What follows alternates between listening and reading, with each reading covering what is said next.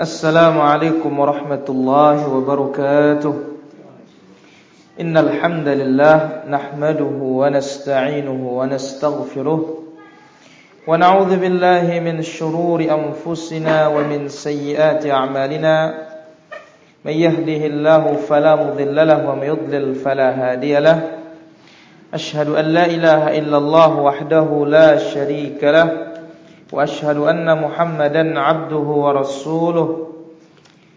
يا أيها الذين آمنوا اتقوا الله حق تقاته ولا تموتن إلا وأنتم مسلمون. يا أيها الناس اتقوا ربكم الذي خلقكم من نفس واحدة وخلق منها زوجها وبث منهما رجالا كثيرا ونساء. واتقوا الله الذي تساءلون به والأرحام إن الله كان عليكم رقيبا. يا أيها الذين آمنوا اتقوا الله وقولوا قولا سديدا. يصلح لكم أعمالكم ويغفر لكم ذنوبكم. ومن يطع الله ورسوله فقد فاز فوزا عظيما. أما بعد فإن أصدق الحديث كتاب الله. وخير الهدى هدى محمد صلى الله عليه وسلم وشر الأمور محدثاتها وكل محدثة بدعة وكل بدعة ضلالة وكل ضلالة في النار kaum muslimin dan muslimat rahimani wa rahimakumullah kita memuji Allah Subhanahu wa taala atas nikmat yang dilimpahkan kepada kita semua pada kesempatan sore hari ini kita bisa hadir di majlisul ilm yang mana kita akan mengkaji sunnah-sunnah Rasulullah sallallahu alaihi wasallam. Dan ini bentuk atau bagian dari bentuk kita membagi warisan Nabi sallallahu alaihi wasallam yang Nabi katakan faman akhadahu faqad akhadha bihadhin wafirin Siapa yang mengambil ilmu Nabi warisan Nabi sallallahu alaihi wasallam maka dia telah mengambil bagian banyak dari warisan tersebut. Maka itulah dia bedanya membagi ilmu warisan Nabi dengan warisan orang tua atau keluarga. Ilmu Nabi atau warisan Nabi alaihi salatu wasallam semakin dibagi semakin dia banyak. Adapun warisan keluarga orang tua semakin dibagi semakin jumlahnya mengecil. Maka itu sebabnya Nabi alaihi salatu wasallam diperintahkan oleh Allah wa qur zidni ilma. Ya Allah, tambahlah ilmuku. Karena kita setiap saat membutuhkan tambahan ilmu terus. Maka di antara doa Nabi sallallahu alaihi wasallam Allah manfa'ni bima 'allamtani wa 'allimni ma yanfa'uni wa zidni ilman tanfa'uni bihi. Ya Allah ajarkanlah aku apa yang bermanfaat bagi diriku. Dan berilah aku manfaat Atas apa yang engkau berikan aku dari ilmu itu. Dan tambahkanlah ilmu yang bermanfaat bagi diriku. Ini di antara doa Rasulullah Sallallahu alaihi wasallam. Kita terakhir membahas tentang Awqatus salat Jumat Waktu-waktu salat Jumat. Waktu salat Jumatnya ada dua yang pertama az-zawal yaitu waktu zuhur. Yang kedua qabla az-zawal sebelum zuhur. Maka itu sebabnya salat Jumat apabila bertemu dengan Idul Fitri atau Idul Adha maka menggugurkan kewajiban untuk salat Jumat. Karena apa? Ini menunjukkan bahwa Idul Id itu adalah wajib. Karena wajib tidak mungkin menggugurkan yang sunnah. Nah, atau tidak mungkin menggugurkan yang wajib. Eh, kalau dia sunnah tidak mungkin menggugurkan yang wajib. Maka ini menunjukkan dia wajib. Dan ini menunjukkan waktunya sama. Ya, waktunya sama. Taib. Sekarang kita lanjut. Saya bawakan sedikit di antara dalilnya atau di antara athar.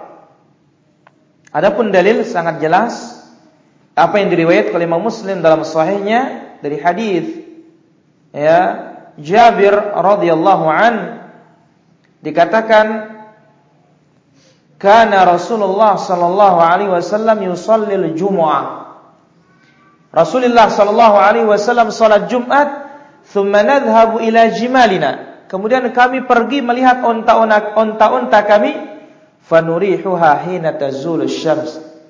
Kami lepas dia ketika matahari sudah condong ke arah barat. Yakni an-nawadhih. Ini menunjukkan apa? Bahwa dia sholat Jumatnya sebelum gelin, gelincir matahari. Berarti apalagi khutbahnya yang sebelumnya itu. Hadis ini sahih. Adapun asar dari para sahabat dari Abdullah bin Saidan As-Sulami radhiyallahu uh, rahimahullah dia mengatakan wa syahidtu aw syahidtul jum'ata ma'a Abi Bakrin Aku menyaksikan salat Jumat bersama Abu Bakar. Fakanat khutbatuhu wa salatuhu qabla nisfin nahar. Khutbah beliau, salat beliau sebelum matahari di atas kepala. Sedangkan matahari di atas kepala ini belum masuk waktu zuhur. Khutbah dan salatnya sebelum intisafun nahar, sebelum matahari di atas kepala. Kemudian aku menyaksikan salat Jumat bersama Umar. Salat khutbah beliau, salat beliau intasafan nahar, ketika sudah matahari di atas kepala. Kemudian aku menyaksikan Jumat bersama Uthman, khutbahnya dan salatnya zalan nahar, ketika sudah gelincir matahari. Kemudian aku melihat tidak ada satupun atau tidak ada aku lihat satupun yang mencela dan mengingkari perbuatan tersebut. Athar ini diriwayatkan oleh Ibnu Syaibah dan dikatakan oleh Imam Al-Albani rahimahullah taala jalan athar ini hasan. Inilah dia di antara apa yang disebut oleh para ulama kita. Kemudian dari hadis Abdullah bin Salamah dia mengatakan sallabina Abdullah Ibnu Mas'ud radhiyallahu anhu pernah membawa kita salat Jumat duha di waktu duha. Wa qala khasyitu alaikumul har dan dia mengatakan aku khawatir kalian kepanasan. Sedangkan kalau gelincir kalau matahari di atas kepala ini waktu tidak boleh salat. Berarti sebelum sebelumnya. Ya. Kemudian dalam hadis Sa'id bin Suwaid qal dia mengatakan shalla bina Muawiyah al-jum'ah duha. Kemudian Muawiyah radhiyallahu anhu waktu beliau menjadi khalifah beliau membawa kita salat Jumat di waktu duha. Beliau membawa kita salat Jumat di waktu duha. Baik. Ini ada di antara asar-asar tersebut. Baik, masalah berikutnya al-adadul ladzi tanqidu bihi al-jum'ah berapa jumlah baru sah ditegakkan Jumat. Al-Imam Syaukani rahimahullahu taala mengatakan membantah ya Jumat itu harus tiga orang. Di beliau mengatakan syarat ini tidak ada dalilnya sama sekali. Ya. Maka sama sekali tidak ada dalil yang menyatakan harus sekian, harus sekian, harus sekian minimal ditegakkannya Jumat adalah berapa ditegakkannya salatul jamaah. Ya, berapa ditegakkan salatul jamaah, seperti itu juga jumlahnya ditegakkan salat Jumat. Maka dari sini dijelaskan oleh para ulama kita di antaranya Athar Umar bin Abdul Aziz rahimahullah taala Beliau mengirim surat-surat kepada orang-orang Badui. Yang mana kita orang ketahui orang Badui ini hidupnya nomaden, berpindah-pindah. Di mana ada kala wal ush, di mana ada padang rumput, dia mereka pindah ke sana. Beliau menulis surat kepada orang-orang Badui ini apa kata beliau? Anjami'u haitsu kuntum. Jum'atlah kalian di mana saja kalian berada. Dengan batasan minimal itu berapa kita menegakkan salatul jamaah, seperti itu pula kita menegakkan salat Jumat. Taib. Maka dengan demikian eh, persyaratan disebut oleh para ulama kita al-istitan harus bermukim ya ini tidak sepenuhnya tepat ya jadi yang gugur kewajiban sebagian orang musafir itu yang selalu berpindah-pindah ya adapun dia berpindah di suatu tempat dan menetap dia sholat Jumat ya atau dia itu berada di suatu tempat dan dia bisa menegakkan Jumat, dia tegakkan Jumat. Adapun kalau tidak mampu sama sekali, maka inilah dia diberikan ke, apa, kebebasan dan keringanan oleh Allah Subhanahu wa taala. Baik. Rawahu Syaibah fi bab man kana yarjuma fil qura wa ghairiha. min tariq Abi Rafi an Abi Hurairah annahum katabu ila Umar yas'alunahu anil jum'ah diriwayatkan oleh Ibnu Abi Syaibah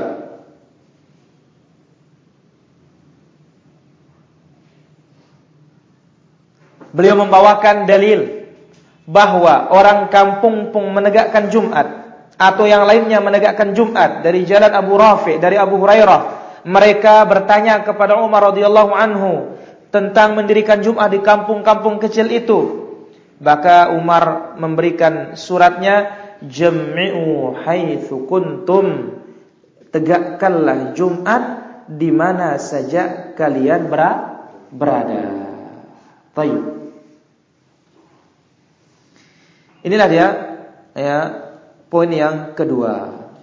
Kemudian poin yang ketiga. Al-jum'atu la tukhalifu as-salawat illa illa fi masyru'iyatil khutbati qablaha. Jumat ini sama dengan solat-solat yang lain. Hanya saja bedanya ada khutbah sebelumnya. Ya. Tidak ada dalil yang menyatakan kekhususan pada hari Jumat. Artinya bentuk-bentuknya. Tidak ada jumlah tertentu. Ya. Dan yang lainnya. Maka di mana pun kita bertemu dengan hari Jumat. Kemudian syarat Jumat bisa kita lakukan seperti syarat syarat berjamaah dan ada yang mampu memberikan wasiat dan khutbah, maka segera kita tegakkan sholat Jumat tersebut. Tidak ada bedanya. Yang beda hanya sebelumnya ada khutbah sebagaimana petunjuk Rasulullah sallallahu alaihi wasallam.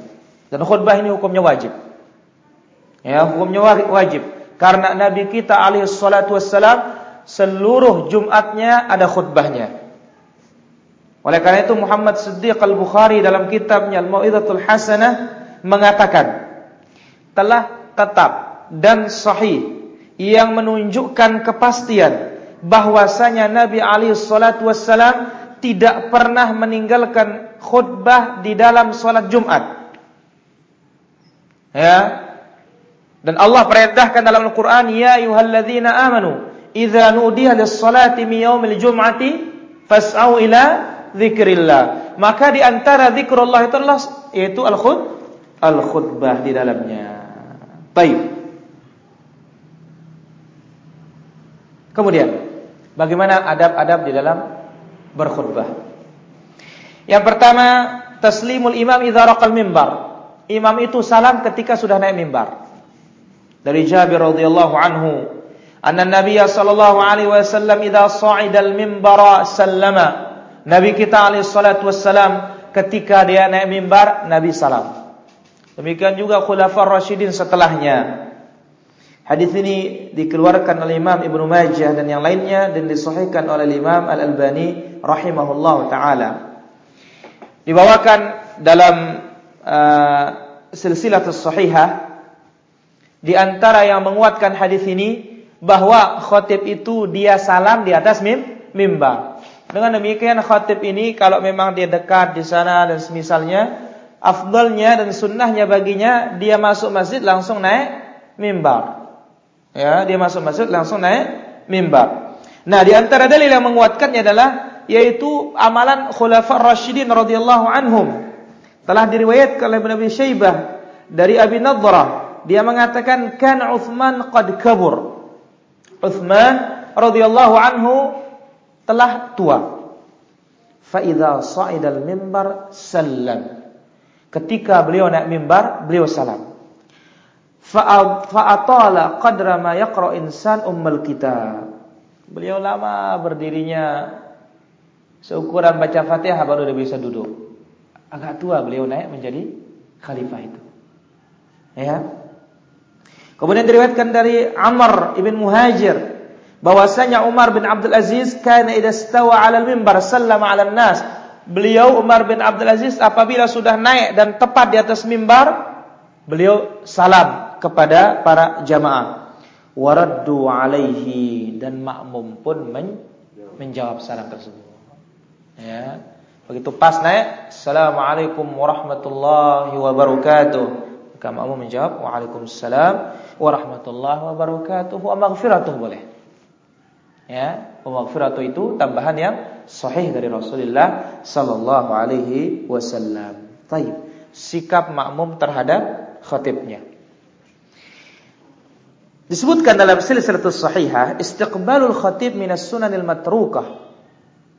Para makmum menghadap khatibnya ini termasuk sunnah yang ditinggalkan. Lalu dibawakan hadis, "Kana idza sa'ina al-mimbar aqbalna bi wujuhina ilaih."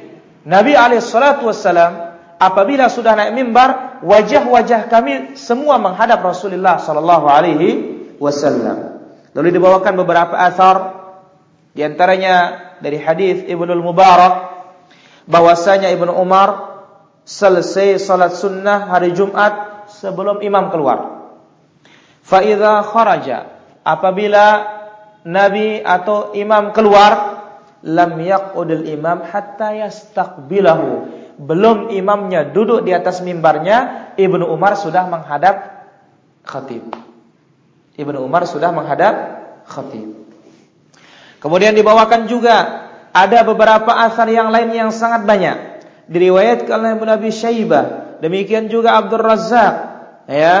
Di antaranya apa disebutkan oleh Ibnu Abi Syaibah dari Al-Mustamir ibn Rayyan, dia mengatakan raaitu Anasan indal babil awal. Aku melihat Anas di pintu pertama. Jadi memang Masjid Nabawi itu dari dulu pintunya banyak. Tidak seperti kita ya. Satu dua. Ya. Bahkan disebutkan sebelum di dekat-dekat Nabi wafat apa? Setiap rumah yang ada di sekeliling Masjid Nabawi itu rumah jebol langsung pintunya masuk ke mas ke masjid. Ya, dijebol rumahnya. Langsung pintunya masuk ke masjid. Langsung Nabi sallallahu alaihi wasallam katakan apa? Di akhir-akhir hayat beliau, ini sebagai isyarat bahwa Abu Bakar itu akan menjadi khalifah. Apa kata beliau? Ya, beliau katakan jangan tersisa khawkhah. Khawkhah itu pintu kecil dari rumah tuh, tembok dijebol. Illa ya, illa tusad illa khawkhat Abi Bakar. Semua pintu-pintu yang dari rumah itu yang menghadap langsung ke masjid tutup dia kecuali pintunya Abu Bakar saja. Ini isyarat apa? Isyarat yang menjadi khalifah setelah Rasulullah wasallam adalah Abu Abu Bakar. Baik.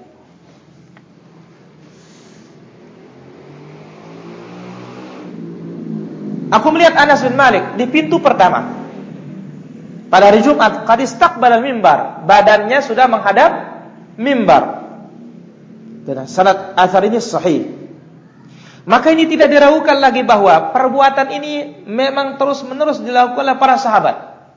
Dengan dalil yang sangat kuat bahwa dia punya dasar dari Nabi sallallahu alaihi wasallam. Apalagi telah dikuatkan dalam hadis Abu Sa'id Al-Khudri yang diriwayatkan oleh Imam Al-Bukhari dan juga Imam Muslim. Jalasa Rasulullah sallallahu alaihi wasallam ala mimbar wa jalasna haulahu. Nabi alaihi salatu wasallam duduk di atas mimbar, kami pun para sahabat mengelilingi beliau. Kata Imam Ibnu Hajar dalam Fathul Bari. Memang siakul hadis ini menunjukkan bukan hari Jumat. Tetapi dengan pemahaman Imam Al-Bukhari rahimahullah, hadis ini diletakkan dalam Kitabul Jum Jumat.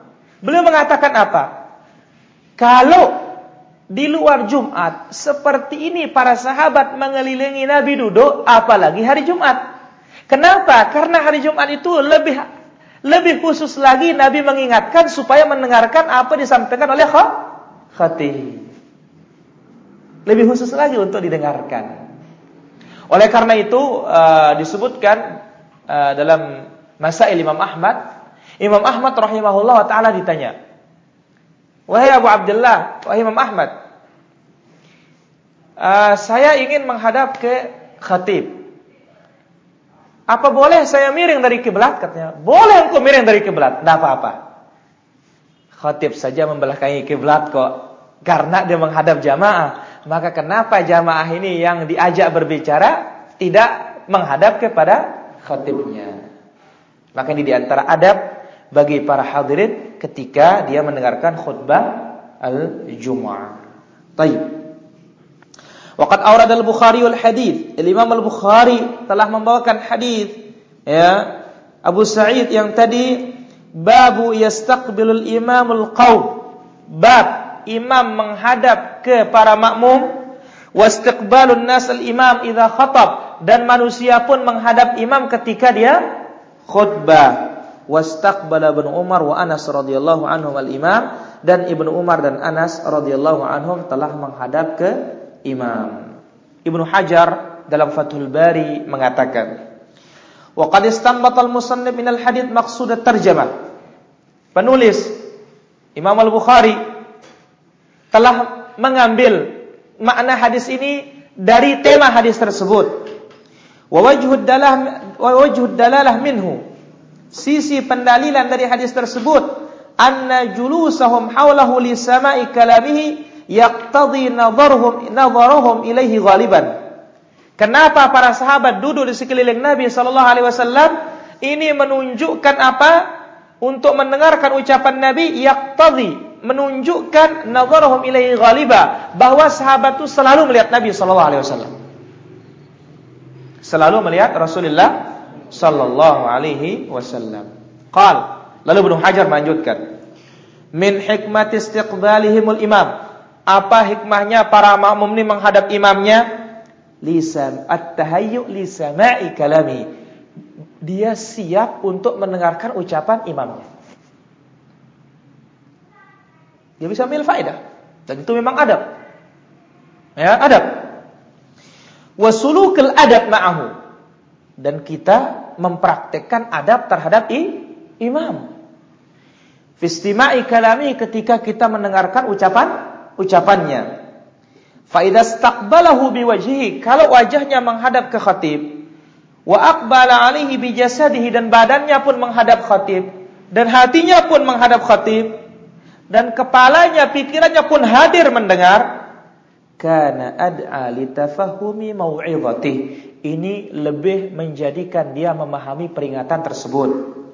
Wa muwafaqatuhu fima syuri'a lahul qiyam li ajlihi dan dia telah menyepakati imam ya dengan apa yang imam itu diperintah oleh Rasulullah sallallahu alaihi wasallam. Imam sampai membelakangi kiblat untuk memberi peringatan kepada makmum. Maka makmum pun harus siap menerima menerima. Di antara bentuknya menerima, dia perhatikan adabnya terhadap khatib tersebut. Baik. Ini dia di antara sunnah mahjurah yang banyak ditinggalkan oleh kaum kaum muslimin. Faid masalah berikutnya. At-ta'dzinu idza jasa al-khatib 'ala al-mimbar wal muadzinu al-wahid yaum al-jum'ah. Kapan azan? Azan ini dilakukan apabila khatib sudah duduk di atas mimbar. Kemudian azan di zaman Nabi itu berapa kali? Satu kali azan saja. Dari Sa'ib bin Yazid, dia mengatakan kana nida'u yaumal jum'ah. Awalahu idza jalasa al-imam 'ala al-mimbar. Azan di zaman Nabi sallallahu alaihi wasallam pada hari Jumat kapan? Ketika sudah duduk khatib di atas mimbar. Wa Abi Bakar wa Umar. Di zaman Abu Bakar, Umar pun demikian. Setelah naik di atas mimbar baru azan. Falamma kana Uthman radhiyallahu anhu wa kathuran nas zada nida ats-tsalits ala zawra. Tetapi begitu di zaman Uthman, Madinah telah meluas, orang begitu banyak, maka Uthman menambah azan yang ketiga karena ditinjau dari kamatnya. Maksudnya adalah azan pertama. Asar ini atau hadis ini sahih diriwayatkan oleh Imam Al-Bukhari rahimahullah taala. Zawrat di mana? Maudhi'un bisuq bil Madinah, suatu tempat di pasar Madinah. Maka dari sini Syekh Masyhur Ibn Hasan Al-Salman hafizahullah taala menjelaskan dalam kitabnya Akhtal Musallin Al-Qaulul Mubin fi Akhtal Musallin beliau mengatakan bahwa setelah membawakan dalil-dalil Ya bahkan ada para imam mutakaddimin menyatakan bahwa eh, adapun sekarang ya setelah adanya alat pengeras ini dan dan muasirin juga mengatakan demikian, setelah adanya pengeras ini tidak perlu lagi adanya azan dua kali itu. Tidak perlu ada. Kenapa? Tahsilul hasil. Ya, tidak ada gunanya. Sebab apa makna dan tujuan Uthman mengadakan azan pertama? Kemudian di pasar, yang apa? Manusia telah begitu banyak. Kemudian waktunya sebelum Jum Jumat. Kemudian tempatnya di luar masjid. Maka oleh karena itu Imam Malik rahimahullah taala mengatakan azan waktu azan khutbah di depan mimbar hada laisa hada hada min amal al hadis wa laisa min amr qadim. Ini perkara baru, perkara bid'ah bukan perkara lama. Nah, jadi asalnya ya disebutkan di zaman salah seorang khulafa Bani Umayyah ya Bani Umayyah azan yang di pasar dipindah di pintu. Azan yang di pintu dipindah ke dekat mimbar. Jadi azannya Rasulullah SAW Bilal ini di depan pintu masjid. Nah, azan depan pintu itu bagi zamannya salah seorang khalifah di zaman Khalifah Umayyah di pintu itu dimasukkan azan waktu itu dimasukkan ke dalam azan yang luar waktu itu yang di pasar itu dimasukkan ke pin di, di pintu. Maka Imam Malik rahimahullah telah mengingkari perbuatan tersebut. Baik. Wa anhu qala kana Bilalun. Dengan demikian ikhwan, kalau kita ingin menegakkan sunnatul khulafar rasyidin, pertama kita katakan bahwa dua kali azan pada Jumat itu bukan beda. Itu merupakan sunnah khulafa ar-rasyidin. Tetapi praktiknya tidak sesuai dengan caranya sahabat itu. Bagaimana cara sahabat? Sebelum waktu. Bagaimana cara sahabat? Tempatnya bukan di dalam masjid. Hadza. Taib. Dan dikatakan dari Sa'ib bin Yazid, "Kana Bilal yu'adzinu idza jalasa Rasulullah sallallahu alaihi wasallam 'ala al-mimbar yaum al-jum'ah, fa idza nazala aqama." Bilal radhiyallahu anhu azan ketika Nabi Shallallahu Alaihi Wasallam sudah di atas mimbar. Apabila Nabi Shallallahu Alaihi Wasallam turun dari mimbar, Bilal pun qamat. Hadis ini diriwayatkan oleh Imam Ahmad dan Nasai dan disahihkan oleh Imam Al Albani rahimahullahu taala. Baik.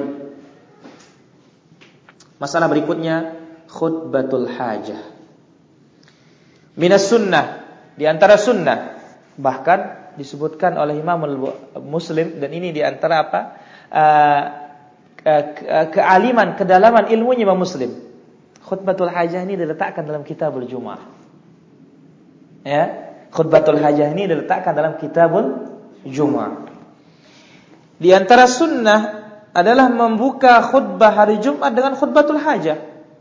Itu mulai dari innal hamdalillah nahmaduhu wa nasta'inuhu sampai akhirnya fa inna asdaqal hadithi kitabullah wa khairul huda huda Muhammadin sallallahu alaihi wasallam wa syarrul umuri muhdatsatuha wa kullu muhdatsatin bid'ah wa kullu bid'atin dhalalah wa kullu dhalalatin finnar. Khutbah ini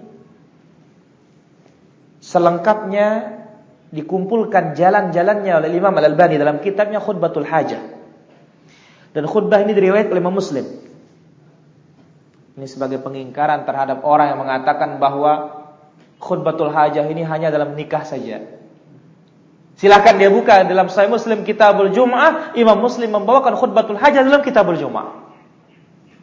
Ya, karena ada banyak orang yang lemah sedikit penelitiannya tentang hal ini, dia mengatakan apa? Kenapa pakai khutbatul hajah terus katanya? Padahal apa? Khutbatul hajah itu hanya disyariatkan nikah. Kita katakan bahwa dia belum sampai sana ilmunya. Lihat bagaimana pemahaman Imam Muslim begitu dalam khutbatul hajah ini diletakkan di mana? Dalam kitabul Jum'ah. Bahkan Nabi SAW dikatakan Imam Muslim di sana setiap Jumat ya meninggi suaranya, ya merah matanya, ya seolah-olah dia mengharde atau mengingatkan, memberikan semangat bagi tentaranya yang mengatakan sabbahakum wa massakum. Musuh telah siap menyerang kalian waktu pagi dan sore. Nabi katakan, "Amma ba'du fa inna asdaqal hadithi kitabullah." Baik. Juga dari riwayat Imam Nasai. Ya. Dikatakan wahadil khutbah tusamma indal ulama bi khutbatil hajah. Bahkan Syekhul Islam bin Taimiyah rahimahullah taala di antara kitab-kitabnya, kitabnya dimulai dengan khutbatul hajah. Dia bukan wajib, tetapi di saat orang mematikan sunnah ini kita perlu hidup hidupkan. Ya. Wah subhanallah, namanya kita menghidupkan sunnah ini belum kita menjelaskan kepada orang hanya baru disebutkan seperti itu ribut dia orang. Ya. Bahkan ada dua kejadian ya. Pertama di daerahnya antum di sini Lombok Barat ya. Setelah dibacakan dia menjadi khotib, selesai Jumat ribut orang. Tidak sah Jumatnya katanya. Kenapa? Gara-gara fa inna asdaqal hadithi kitabullah. Kenapa? Takut disalahkan bedanya. Ya. Kemudian di satu tempat juga ya di tempatnya Pak dia bacakan ini. Orang juga kaget, wah katanya belum cocok kita pakai khutbah ini katanya di sini. Subhanallah. Ya. Nah, disebutkan eh, tentang ini, ini namanya khutbatul hajah. Wahya tusyra' baina yaday kulli khutbah. Disyariatkan setiap pembukaan apa saja. Sawa'un kanat khutbatu Jum'ah, entah itu khutbah Jumat, au Id atau hari raya, au nikah atau nikah, au pengai atau dars atau kajian rutin, au muhadarah kajian bebas. Ya. Maka dikatakannya khutbatul hajah, yaitu apa kebutuhan kita kita pakai khutbah ini. Baik. Kemudian dikatakan dalam Tamamul Minnah Wa kana la yadhkuru hadhihi al-ayat ats Kadang-kadang Nabi tidak menyebut tiga ayat ini. Jadi boleh. Misalkan ya Uh, innal hamdalillah nahmaduhu wa nasta'inuhu wa nastaghfiruh wa na'udzu billahi min shururi anfusina wa min sayyiati a'malina man yahdihillahu fala mudilla lahu wa man yudlil fala hadiyalah asyhadu an la ilaha illallah wahdahu la syarika lah wa asyhadu anna muhammadan abduhu wa rasuluhu amma ba'd fa inna asdaqal hadithi kitabullah boleh? Tanpa menyebutkan ayat ini. Karena Nabi sallallahu alaihi wasallam kadang-kadang juga tidak menyebutkan ayat ini. Baik Masalah berikutnya, bagaimana sifat khutbah Jumat itu? Ketahuilah khutbah yang disyariatkan yaitu khutbah yang biasa dilakukan oleh Nabi. Apa itu? Targhibun nas wa. Anjurkan dan kasih ancaman. Kasih anjuran, kasih ancaman. Itulah nyawa khutbah yang hakikatnya. Adapun disyaratkan harus ada alhamdulillahnya memuji Allah kemudian salat kepada Nabi atau membaca Quran, ini semuanya keluar dari maksud dan tujuan khutbah.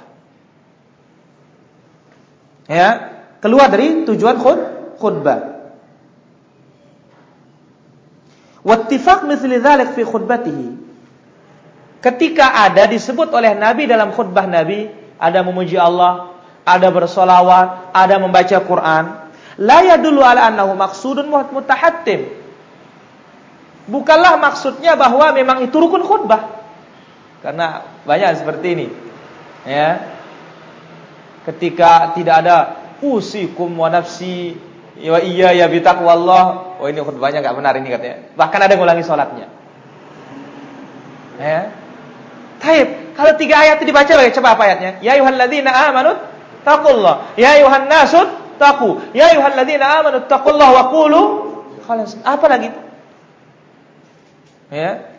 Taib. Bahkan ya ittaqul uh, usikum wa nafsi iya bi taqwallah faqad fazal muttaqun. Kalau ini tiga ayat mengatakan taqwallah, kalau dia ngomong hanya satu kali atau dua kali. Subhanallah. Wala yashukku munsifun anna mu'dhamal maqsud huwal wa'd. Tidak diragukan oleh orang-orang yang berlaku adil. Ya, kebanyakan tujuan khutbah itu apa? Wal al-wa'd, yaitu memberi peringatan ya. Bukanlah memuji Allah bersalawat kepada Nabi sallallahu alaihi wasallam. Ya. Walhasil kesimpulannya inti dari khutbah itu apa? Al mau'izatul hasanah. Peringatan yang baik. Baik itu dari Al-Qur'an atau yang, yang lainnya. Dan Rasulullah sallallahu alaihi wasallam ketika berkhutbah beliau mendatangkan apa Alhamdulillah Alhamdulillah dikatakan oleh Al Imam Al Albani al ma'ruf anna Nabi sallallahu alaihi wasallam kana yadhkur ismahu asy-syarif syahada fil khutbah. Yang kita ketahui kata beliau, Nabi itu waktu khutbah menyebut namanya, waktu syahadatain. Asyhadu an la ilaha illallah wa asyhadu Muhammadar rasul Rasulullah. Wa amma annahu kana yati bis shalah alaihi fa mimma la arifu fi hadis. Adapun Nabi bersalawat terhadap dirinya tidak ada dalam hadis itu.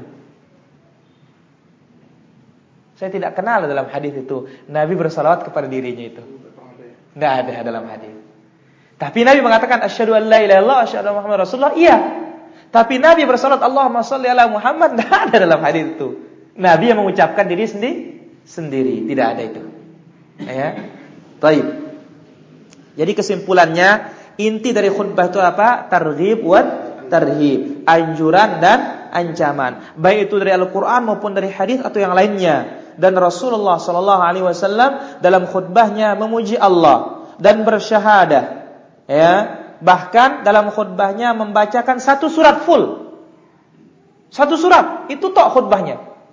Sebagaimana dari Ummu Hisham binti Harithah bin Nu'man dia mengatakan, "Ma akhadtu qaf al-Qur'an al-Majid." Aku tidak menghafal surat Qaf Al-Qur'an Al-Majid kecuali dari lisan Rasulullah sallallahu alaihi wasallam. Yaqra'uha kulla yaumil jum'ah. Nabi baca setiap Jumat kata. Setiap Jumat di atas mimbar ketika Rasulullah Shallallahu Alaihi Wasallam ber berkhutbah. Dengan demikian maksud peringatan itu dengan Al-Quran dan membawakan apa-apa yang menjadikan hati ini tergugah dan membawakan hal-hal menjadikan hati ini tak takut. Dari Ya'la ibn Umayyah radhiyallahu anhu dia mengatakan, Sami'tu Nabi sallallahu alaihi wasallam yaqra'u 'alal mimbar. Aku mendengar Nabi sallallahu alaihi wasallam membaca di atas mimbar. Wa nadau ya Malik. Nabi baca ayat wa nadau ya Malik. Mereka penduduk neraka menyeru wahai Malik. Ya. Dibacakan tentang kisah penduduk neraka neraka yang minta kepada malaikat supaya diringankan azabnya oleh Allah Subhanahu wa taala. Kemudian dari Jabir bin Abdullah radhiyallahu anhu dia mengatakan, Rasulullah sallallahu alaihi wasallam idza khataba ihmarat ainah Nabi kalau khutbah itu matanya merah. Matanya me merah. Wa ala sauta. Suaranya keras, melengking. Washtadda ghadabuh. Sangat marah. Hatta ka'annahu mundhiru jaish seolah-olah Nabi itu memberikan peringatan bagi para tentara, tentara mengatakan sabbahakum wa massakum. Musuh siap menyerang kalian waktu pagi, musuh siap menyerang kalian waktu sore dan mengatakan amma ba'du fa inna khairal hadithi kitabullah wa khairal hadi hadi Muhammadin sallallahu alaihi wasallam wa syarrul umuri muhdatsatuha wa kullu muhdatsatin bid'ah wa kullu bid'atin dhalalah. Jadi para jamaah kata-kata wa khairul huda ada dua bacaan. Khairul huda huda Muhammad. Khairul hadi hadi Muhammad. Keduanya ini sahih. Taib. Kemudian dalam hadis fa inna asdaqal kalami kalamullah. Wa fihi dalil. Di sini ada dalil ala annahu yustahabbu lil khatib, dianjurkan bagi para khatib mengangkat suaranya. Dan wa yujzil kalamahu, mempersingkat ucapannya. Mempersingkat ucapannya dan mendatangkan jawami'ul kalim, ucapan yang singkat, padat, bermakna. Targhib dan tarhib. Tentu setelah dia mengatakan amma amma ba'du.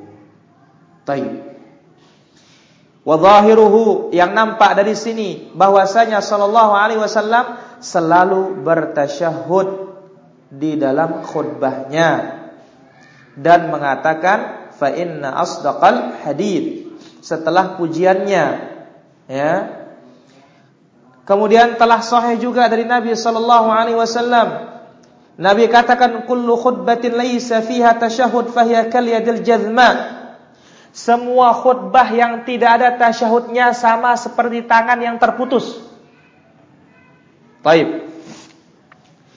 Minal jazm al-qata' yakni anna kulla khutbatin lam yu'ta fiha bil hamdi was thana 'ala Allah. Semua khutbah yang tidak ada memuji Allah, menyanjung Allah sama seperti tangan terputus tidak ada mam manfaatnya. Dikomentari oleh Imam Al-Albani ini faedah dalam silsilah sahihah Wala'alla hadha huwa sabab au alal aqal min asbab.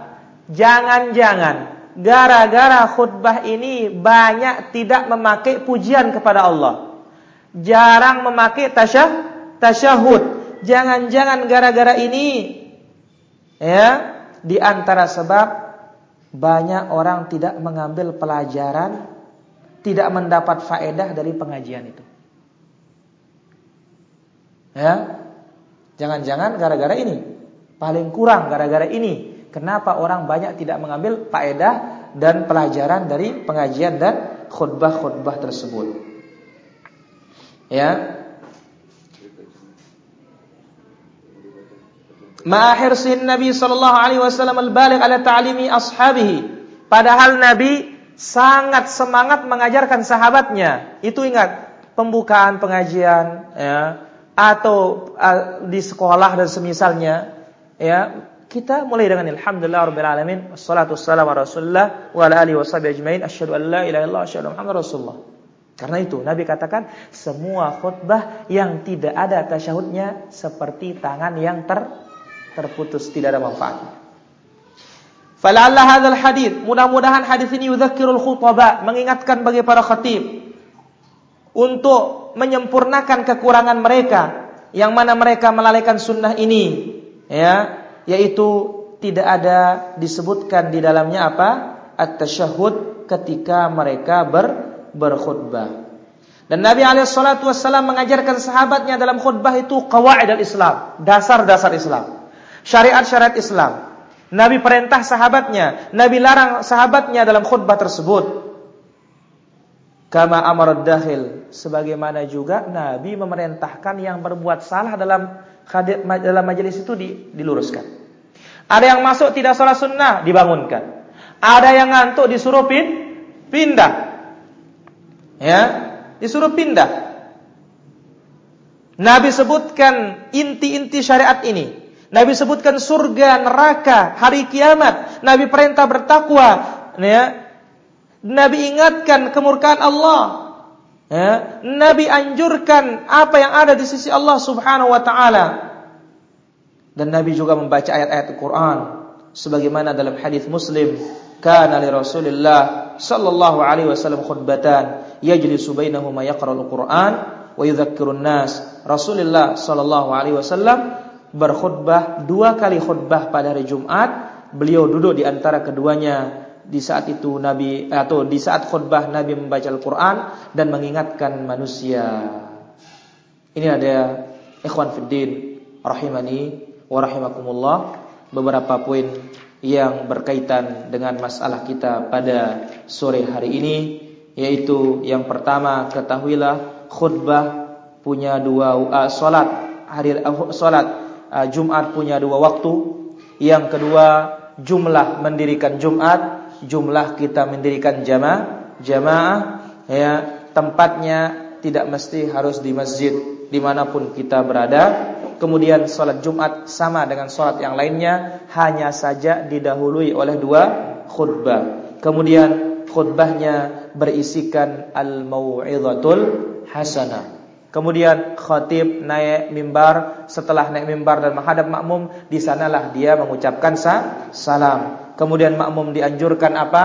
Untuk menghadap ke khatibnya. Kemudian azan di zaman Nabi hanya satu satu kali saja ketika khatib sudah naik di atas mimbar. Kemudian disyariatkan untuk khutbatul hajah yaitu eh, membawakan khutbah yang sering dibawakan oleh Nabi sallallahu alaihi wasallam. Dan sifat khutbah itu intinya al-mau'izatul hasanah Adapun dikatakan harus memuji Allah itu merupakan kesempurnaan khutbah, bukan itu dikatakan rukun rukun khutbah. Demikian mudah-mudahan apa yang kita kaji ini bermanfaat. Wassallallahu ala nabiyyina Muhammad wa ala alihi wa sahbihi wasallam walhamdulillahi alamin